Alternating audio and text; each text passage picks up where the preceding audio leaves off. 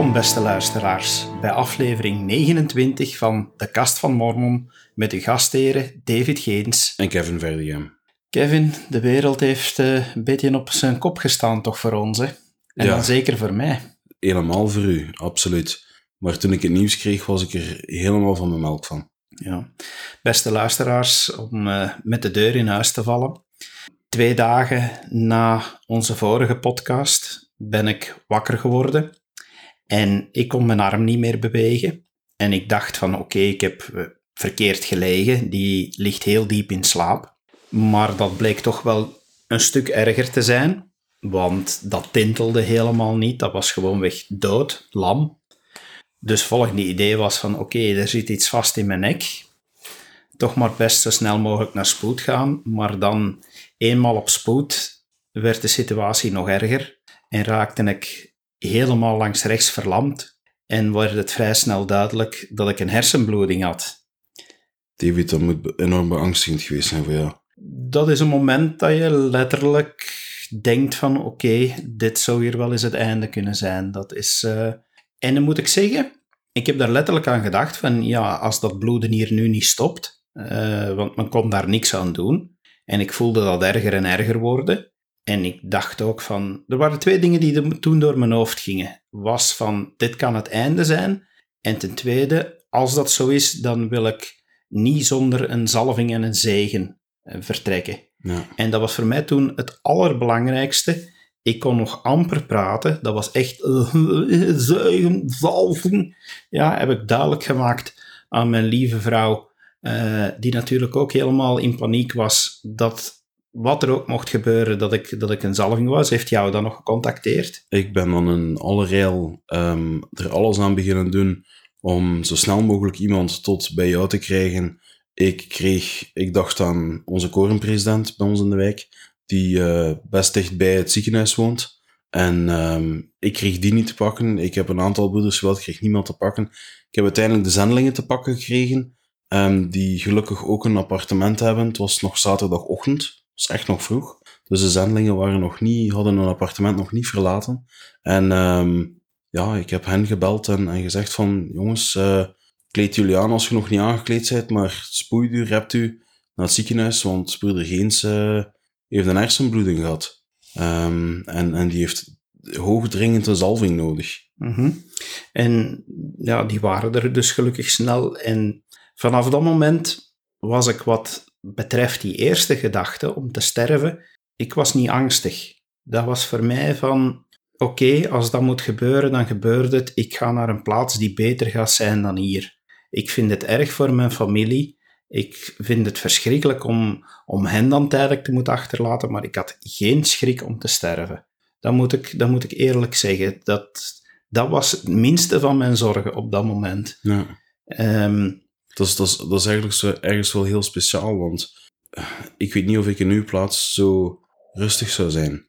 Omdat ik kan heel negatief zijn over mezelf en zou dan te rap schrik hebben van oei, ik heb nog zoveel dat ik nog aan mezelf moet proberen te verbeteren en, en, en, en, en me van dingen bekeren. Het is niet dat, mij, dat, dat ik mijzelf bekeren jaren uitstel, maar fouten die ik maak, die ik blijf herhalen. En ik voel me soms zo inadequaat dat ik ergens schrik zou hebben om mijn maker te ontmoeten. Ja, kan ik begrijpen.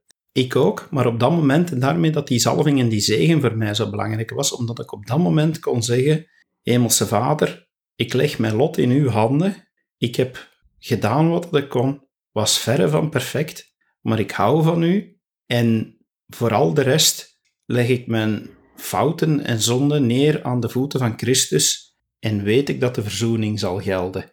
En ik wist dat op dat moment ook heel zeker. Ik zeg, dat was, dat was een enorme rust. Ik kan niet zeggen dat ik rustig was op dat moment. Op dat punt was ik rustig. Want ik had wel heel veel schrik voor andere dingen. Ik had schrik voor wat er mijn familie zou overkomen, uh, hoe zij verder moesten gaan. Dat was mijn grootste bezorgdheid. Maar ook de bezorgdheid van, of laat ik het anders zeggen, ik had veel meer schrik om in leven te blijven. Omdat ik op dat moment wel wist, mijn verstand is altijd blijven werken, zelfs toen ik niet kon spreken en zo. Maar ik wist op dat moment wat de consequenties zijn van een hersenbloeding. Ja, je zou zomaar als gevangen in je eigen lichaam kunnen verder leven, hè? Ja, en dat was voor mij beangstigend. Ik had op dat moment zoiets van, jongens, dat toch niet. En dat, heeft zelfs, dat gevoel heeft een paar dagen gebleven. Daar moet ik dan eerlijk in zijn, dat dan toen bleek dat het niet erger werd, dat dus op zijn ergste punt een verlamming langs de rechterkant was, omdat de bloeding langs links zat. Ehm, ja, welke gevoelens zijn er dan zo over mij gekomen? Van, ik heb heel veel gebeden en die gebeden die waren afwisselend smeekgebeden van alsjeblieft hemelse vader, uh, laat mij genezen, laat me terug beter worden, neem dit van mij weg, tot ronduit kwaad zijn. Ik ben kwaad geweest. Man, echt waar. Ik denk dat ik een aantal dingen tegen Hemelse Vader heb gezegd die ik om de lieve vrede hier op deze podcast niet ga herhalen. Dat kan ik begrijpen. Was het dan, hoe moet ik het zeggen? Heb, heb je op een gegeven moment ook een gebed van aanvaarding kunnen doen aan je Hemelse Vader? Ja, dat heeft er ook tussen gezeten. Ik denk dat ik een heel palet aan emoties heb gehad. Uh, dat ik die emoties ook iedere keer aan, aan Hemelse Vader heb kunnen uitleggen, die ook aan zijn voeten kunnen neerleggen, om het op die manier opnieuw te zeggen. Maar daar is boosheid geweest, daar is aanvaarding geweest, er is uh, verdriet ook geweest, er is ook heel veel onbegrip geweest. Daar heb ik enorm mee geworsteld.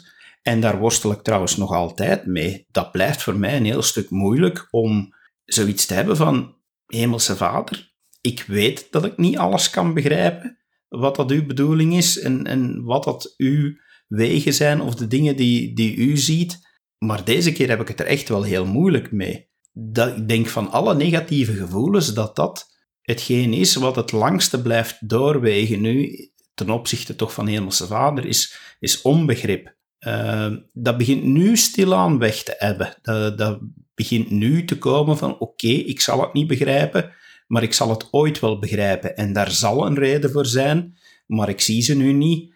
En ik moet ook stoppen met er naar te zoeken, want ik word er gek van. Want ik kan niet begrijpen hoe dat je iemand die, laat ons daar wel in wezen, die net zoals ik toch een behoorlijk deel van zijn tijd spendeert aan actief te zijn in de kerk, om te werken voor de Heer, en dat hij mij dan net kreupel maakt langs rechts. Uh, moet dan ook rekenen, ja, sindsdien is het ook een heel stuk verbeterd. Want langs de andere kant kan je zeggen van ja, positief gezien zijn er wel wonderen al gebeurd. Voor, voor op het ergste punt helemaal langs rechts verlamd geweest te zijn, zit ik nu, we zijn drie weken en een half later, uh, zit ik nu toch met het feit van dat ik alles terug kan bewegen, behalve mijn rechterpols en hand. Uh, maar mijn gelaatsverlamming is weg. Ik kan mijn benen gebruiken. Ik kan mijn schouder redelijk goed gebruiken, mijn elleboog redelijk goed. En er begint zelfs terug heel lichte beweging in mijn vingers in te zitten.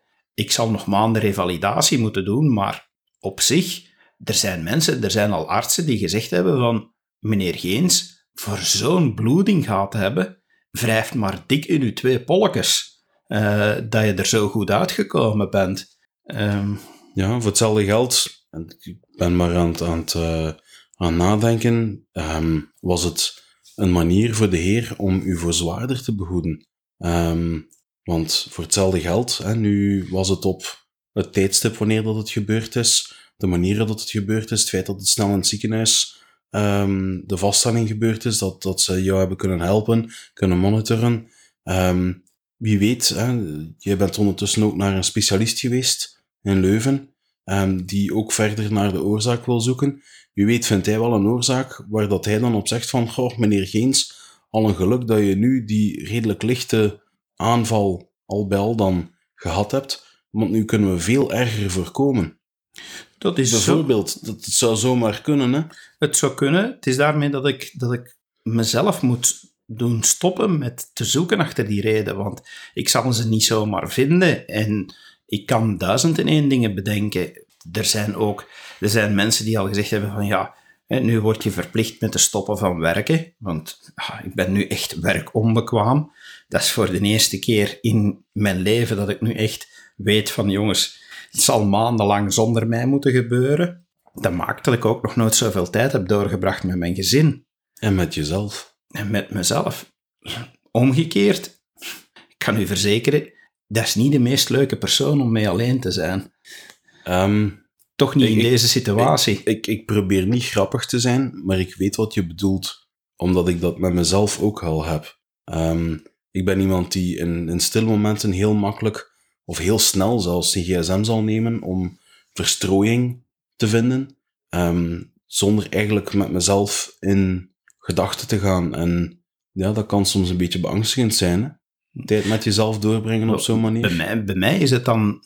Ik wil nu niet gaan vergelijken met, met uw situatie, want wat je net zei, voor iedereen is het anders. Maar voor mezelf is het echt heel alleen zijn met mezelf, omdat er heel veel momenten zijn, en dat is, daar heeft men mij voor gewaarschuwd, dat doordat er een deel van mijn hersenen beschadigd is, of alleszins nu nog onder druk staat, ja, ben ik enorm snel vermoeid en ben ik heel veel van mijn concentratievermogen kwijt. Ik ben gelukkig niks van mijn verstandelijke vermogens kwijt, maar er zijn momenten dat ik echt gewoonweg zeg van sloes, gedaan, eh, dat ik in een zetel of in een bed ga liggen, ogen dicht, lichten uit, want ik wil gewoon geen input meer. En op dat moment, dan is er niks meer van zulke verstrooiing. Ik zou dat op dat moment ook niet kunnen. Ik kan nog altijd niet, hoewel ik dus altijd al een enorme lezer geweest ben, ik ben er nog niet terug aan toe om boeken te lezen. Dat kan ik gewoonweg op dit moment niet. Dus ik ben heel wat uren per dag dat ik gewoonweg rustig moet liggen, eh, mijn hersenen moet laten rusten en dus helemaal alleen ben met mijn gedachten. En dat maakt het soms ook moeilijk. En vandaar dat dat hele palet aan gedachten er ook komt, ook nog altijd.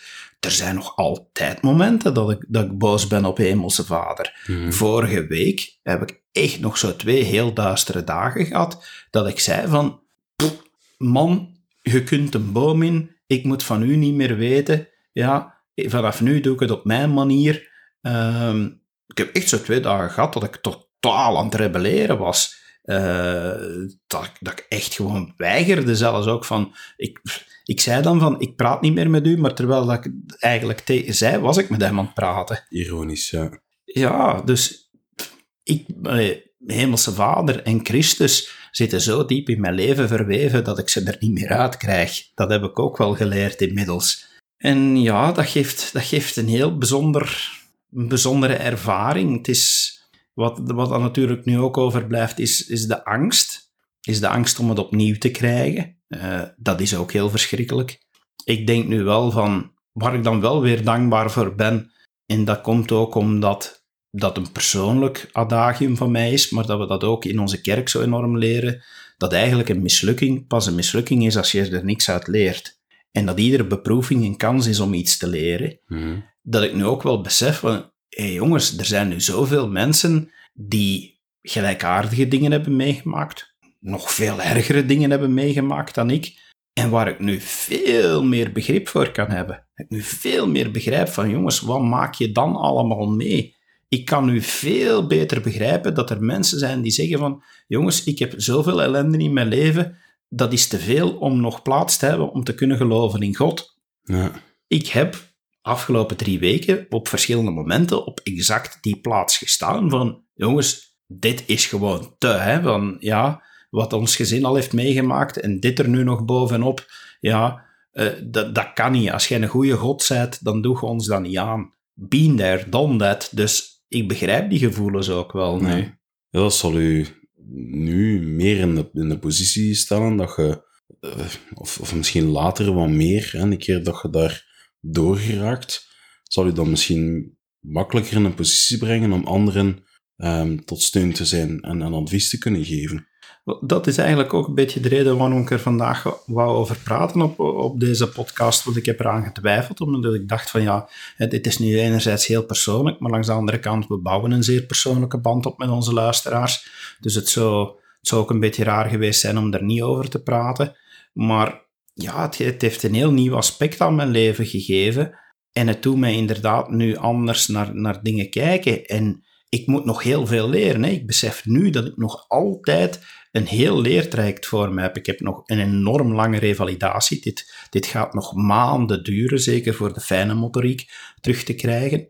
Ik mag maanden sowieso niet met de auto rijden. Wat Wat, een, wat nog eens erger geworden is doordat je er epilepsie bij gekregen Ja. hebt. Dus in plaats van zes maanden is het nu negen maanden. Ja, ehm, ja, die epilepsie is op zich ook al geen lachertje. Eh, dat is ook heel beangstigend. Trouwens, dat, dat doet u nog maar eens in de mug belanden de eerste keer en dus uh, weer met blauwe flikkerlichten naar het hospitaal gaan. Uh, maar ja, begin daar een klantenkaart op te bouwen nu de afgelopen weken, dus dat is dan weer een voordeel. Maar... Uh, Binnenkort mag je de set borden mee naar huis nemen. Waarschijnlijk. Genoeg, en, genoeg zegeltjes en een set, een set, een set ja. Maar ja, ook, ook afhankelijk leren zijn. Voor iemand met mijn karakter, voor, voor ik denk dat ik mezelf een leidersfiguur kan noemen, met dat ik ook bedrijfsleider ben. En nu gewoon dat helemaal moeten loslaten, dat overlaten aan anderen. Maar zelfs tot in die mate om, ja, van iemand die, die eigenlijk gewoon is van de lakens uit te delen, moeten overgaan van de ene dag op de andere naar iemand die moet vragen van, wil iemand alsjeblieft mijn veter strikken, want ik kan het zelf niet. Jongens, qua les in nederigheid, dat kan tellen hoor. Dat kan tellen, ja. Uh, en dat is echt niet makkelijk. Dat is voor mij nu nog een van de moeilijkste punten. Dat is, dat is hulp vragen en hulp ja. aanvaarden. Dus op we nederig zijn, grap je al lang, hè? Ik heb het al lang gezegd dat ik maar twee fouten had. Dat is dat ik niet kon zingen en dat ik niet nederig genoeg was. Voilà, daar is die. Moet er niet te veel mee grappen met die van hierboven zijn, ja. want dan denkt hij van, haha, ik zal eens laatst lachen zien. Nu nog zanglessen wie weet, van als, die, als die hersendelen toch wat beginnen recupereren, dat ik kan zingen. Moet ik eens proberen? Nee, nee, nee, bespaar ons dat. Lieve luisteraars, um, David heeft vele talenten, zingen is er echt niet één van. Uh, nee, ik weet niet of die micro dat hier aan kan, dus uh, we gaan dat risico nu niet nemen. Dat is voor een later moment. Maar van zingen gesproken, uh, misschien naar een iets lichter, tenzij dat je nog iets wat wat delen? Wel, ik wou eigenlijk zeggen aan, aan mensen die hier ook mee sukkelen, die ook iets hebben meegemaakt. Ik kan zeggen dat erover praten echt wel helpt. Het, is, het verschilt ook van de ene op de andere dag. En wat dat ik ook wil meegeven is van, schaam u niet voor uw gevoelens. We zijn maar mensen. Ik denk, ik heb verschillende keren gezegd van, sorry hemelse vader, ik ben Job niet. Uh, ik kan dat niet zoals hij. En, en altijd maar trouw blijven en zeggen dank u. Nee, er zijn momenten geweest dat ik ronduit kwaad was, dat ik lelijke dingen heb gezegd. En ik denk dat dat vrij normaal is. Dat mensen die die zaken meemaken, dat dat normaal is om door een palet van gevoelens te gaan. Maar ik weet wel dat door te praten en te bidden, en als dat zelf niet lukt, dat bidden, het feit dat anderen voor je bidden, en dat hebben heel veel mensen voor mij gedaan en daar ben ik enorm dankbaar voor. Ook heel veel mensen die mijn naam op de tempelrol hebben gezet. Wel, dat, dat moet er allemaal mee te maken hebben. Van, van al de stukken die ik zelf niet kon aanvullen, hebben anderen voor mij op die manier aangevuld. En voor mij is dat nogmaals het bewijs dat de verzoening van Christus werkt. Hetgeen waar dat je zelf in tekort schiet, wordt door Christus aangevuld. En daar gebruikte hij de middelen voor die hij geschikt dacht. En die middelen kunnen heel vaak zijn andere mensen. En waarlijk de bediening van Engeland tot stand brengen. Hè? Ja, inderdaad. Dus allez, schaam u daar ook niet voor en maak daar gebruik van. Dat wou ik eigenlijk nog meegeven. Dankjewel, David. Dat is heel mooi dat je dat op zo'n manier kan, kan delen. Um, op die manier ja, hoop ik ook dat we het kunnen bijdragen tot een versterking van het geloof van anderen. Nu, van zingen en geloof versterken uh, gesproken. We proberen dat niet alleen met deze podcast uit te dragen naar de wereld, maar de kerk heeft um, nu met de maand december opnieuw de Verlicht de Wereld campagne um, opgestart. Ja, typisch weer voor de kerstperiode. Een um, beetje een herhaling van, van wat dat vorig jaar gedaan is, wat andere accenten gelegd, maar toch ook weer een manier waarop dat de kerk ons uitnodigt om, het, om een spiegel te zijn, noem ik het eigenlijk. Om een spiegel te zijn die het licht van Christus reflecteert naar anderen. Dat is een mooie manier om dat te zeggen. Ja, zo voel ik dat aan, van dat het onze taak is om het licht te brengen waar het duister is in deze maand. En uh, de kerk doet dat nu uh, met, uh, met een campagne met vier thema's. Ja, voor vier weken. Voor vier weken. Um, je hebt er vier. Het begint met Verlicht de Wereld, waar dat je dan echt gaat kijken naar ja, wat kunnen we in de wijde wereld uh, gaan doen. Er zijn een aantal voorbeelden die aangehaald worden. Bijvoorbeeld, help mensen wereldwijd door te dienen. Um, in de eerste plaats gaan we gaan kijken wat kunnen we doen um, om bijvoorbeeld onze tijd te doneren aan een goed doel, um, om, om de handen uit de mouw te steken, om, ik zeg maar wat, bijvoorbeeld hulppakketten te maken voor mensen die in een rampgebied zitten of zo. Het tweede ook heel mooi, verlicht uw buurt. En dat bedoelen ze niet van de kerstlichtjes gaan ophangen bij uw buren, alhoewel dat dat ook een manier kan zijn om te dienen.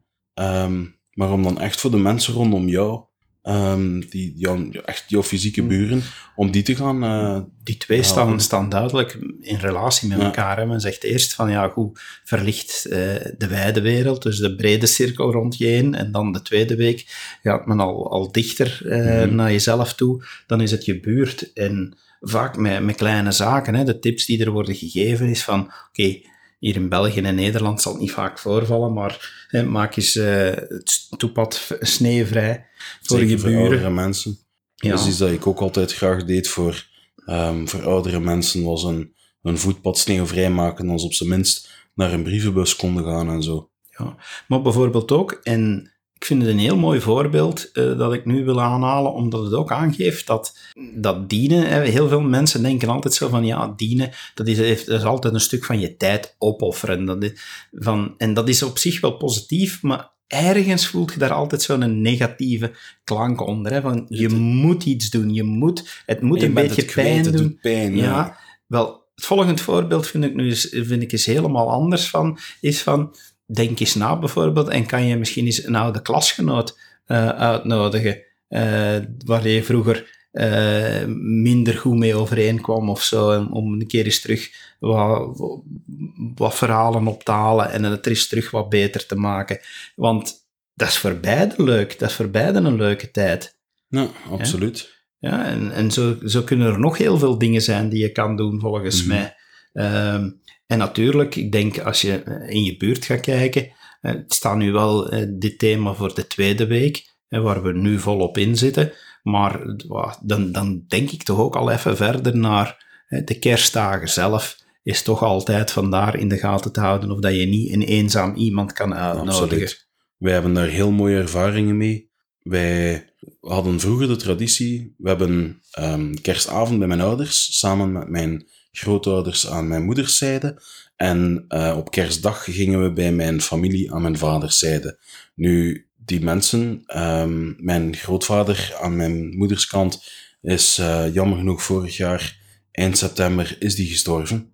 En um, die, is, die is er nu niet meer bij, maar dat laat niet weg dat we um, toch niet samen met mijn grootmoeder en, uh, en mijn ouders kerstavond vieren. Dat is heel mooi, heel fijn.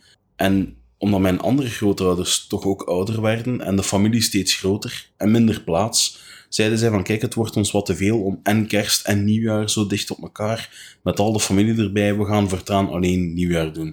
Dat is al enkele jaren zo. En dat geeft ons eigenlijk de mogelijkheid om op kerstdag um, dat zelf te gaan invullen wat we doen. Zo hebben wij de eerste uh, keer dat dat was, um, zijn wij allemaal de wagen ingetrokken. Wij hadden um, wat, wat gebakjes die we konden brengen. En we zijn een aantal eenzame personen en gezinnen uit onze, uit onze toen nog gemeente uh, gaan bezoeken. Um, gezinnen die bijvoorbeeld uit het buitenland komen, die geen familie hebben, behalve zichzelf, waarmee ze kerst kunnen vieren, om op die manier ja, ook naar hen die liefde van Christus uit te dragen. En op andere keren hebben we al iedere keer iemand bij ons thuis uitgenodigd om samen met ons kerst te vieren, die anders ook alleen zou zijn. Dat is een heel fijne ervaring. Dat is inderdaad, dat hebben wij ook altijd al proberen te doen de afgelopen jaren. En ja, we durven daar al een keer eens heel bijzonder voor, voor uit de hoek te komen. Van, van, in die zin van ga niet zomaar... Eh, allez, ik ga niet een, een daklozen op straat ontvoeren, want dat idee heeft iedereen, bij wijze van spreken. Uh, maar wat dat ik eigenlijk wil zeggen, is met een beetje te lachen, is van hou je ogen eens heel goed open naar mensen die eenzaam zijn, maar het niet lijken. Ja. Dat, dat is dus een uitdaging dat ik eens wil meegeven. Er is tegenwoordig veel meer eenzaamheid dan dat we maar ook kunnen vermoeden.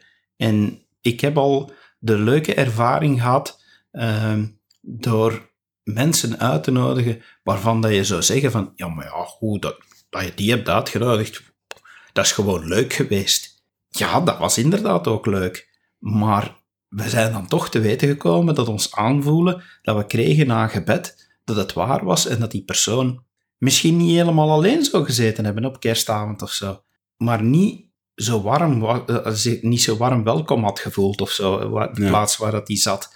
En ja, dat kan enorm ver gaan.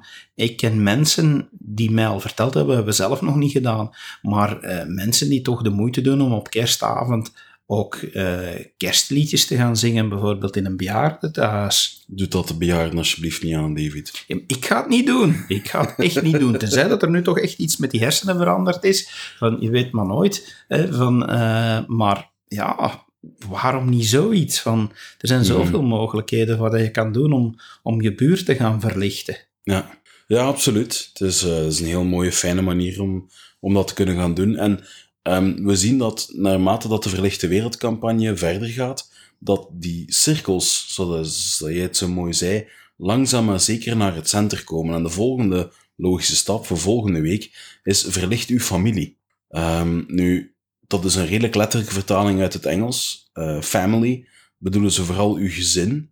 Maar ik denk dat hier familie ook wel in de brede term kan. Denk eens aan bijvoorbeeld aan een, een, een grootouder die je al een hele tijd niet meer bezocht hebt um, die mensen houden van u en, en, en verlangen ook naar uw aanwezigheid? Wel, op de kalender, en dat doet me eraan denken dat ik die kalender uh, in de show notes zal zetten, maar de kalender die, eh, die de kerk nu verspreidt, met dus eh, die vier weken op en een aantal tips. De eerste tip die erop staat, vind ik al heel opmerkelijk, is van bel uw ouders eens op.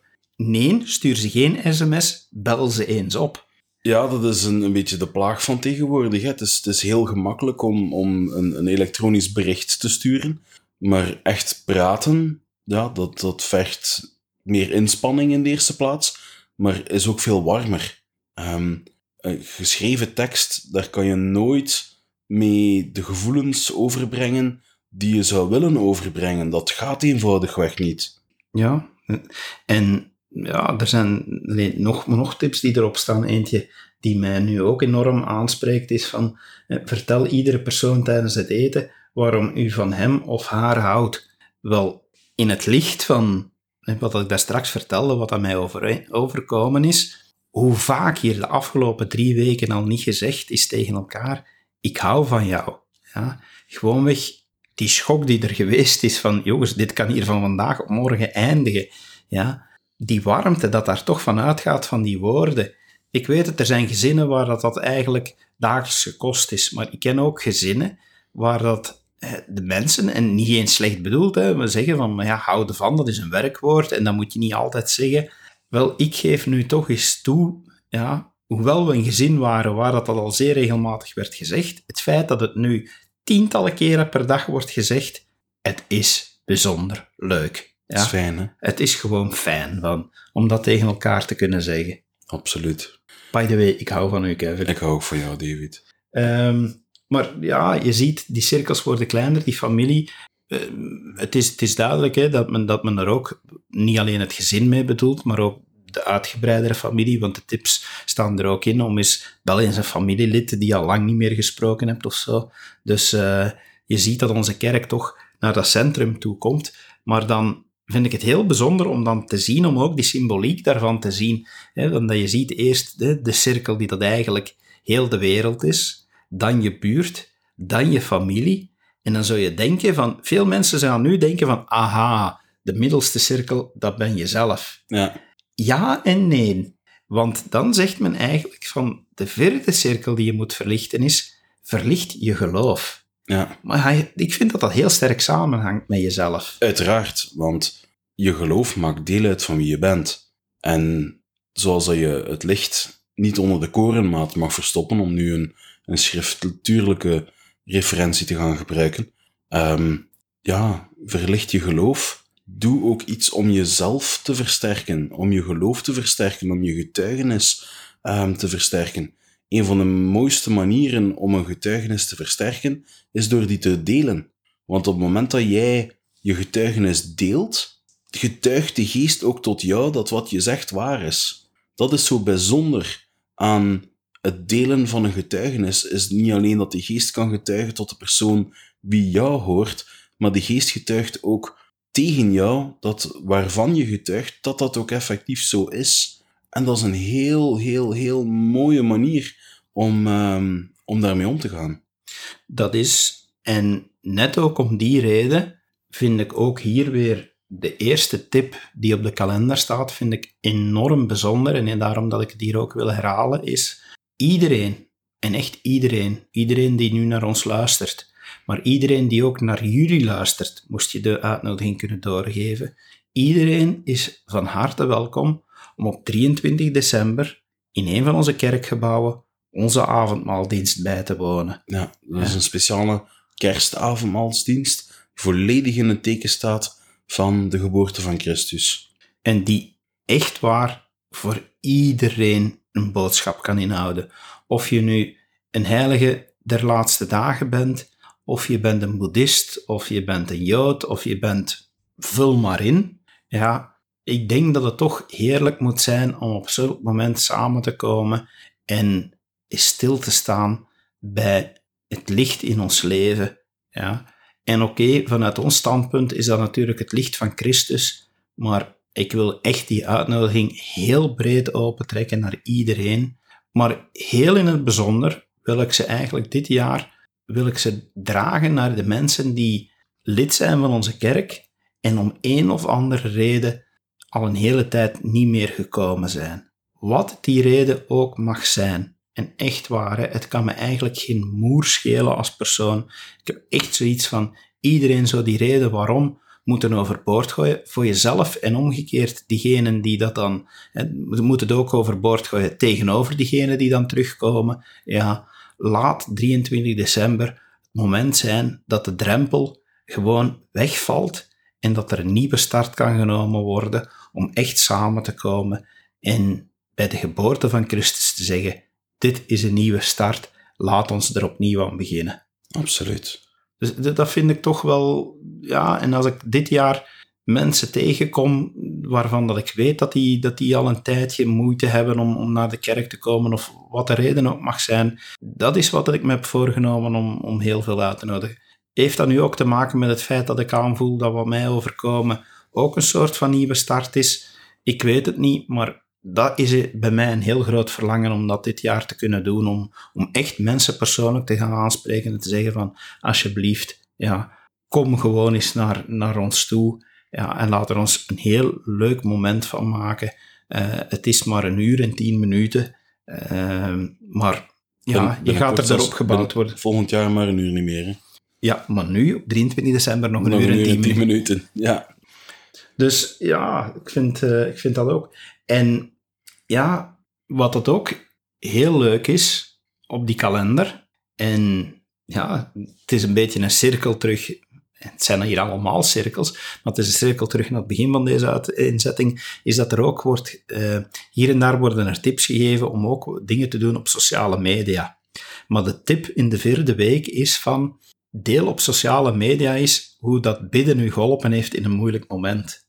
Wel, ik heb een beetje vooruitgelopen op de tijd, maar ik heb het gedaan. Ja, dat is mooi. Dus uh, ja, maar ook dat wil ik dus die uitnodiging wel aan iedereen geven van, ja, laat dat een keer eens gewoon weten aan mensen van als je op kerstavond uh, bij familie of vrienden zit, zeker als zij niet allemaal lid zijn van onze kerk, wel vertel daar toch een keer eens over van wat dat bidden voor u al betekend heeft. Dat is, dat is een tweede uitnodiging die ik zeker wil meegeven. Dat is heel mooi. Dus uh, ja, ik vind het een heel mooie campagne. We zullen zeker de kalender nog delen. Bij deze de uitnodiging om die uh, verder op te volgen ook een warme uitnodiging om eens jullie kerstverhalen met ons te delen. Absoluut. Dat, uh, dat zou heel leuk zijn, moesten we een aantal verhalen kunnen brengen uh, of antwoorden die naar aanleiding van deze campagne tot stand gekomen zijn. dingen die jullie gedaan hebben, manier waarop de je het, het licht hebt rondgedragen en het hart van anderen hebt verwarmd.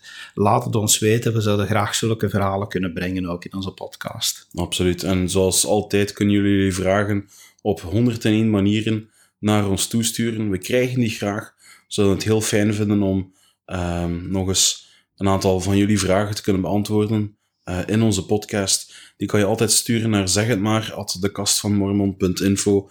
Je kan die sturen naar um, op onze Facebookpagina. Je kan ons via ja, alles op sociale media kan je ons bereiken.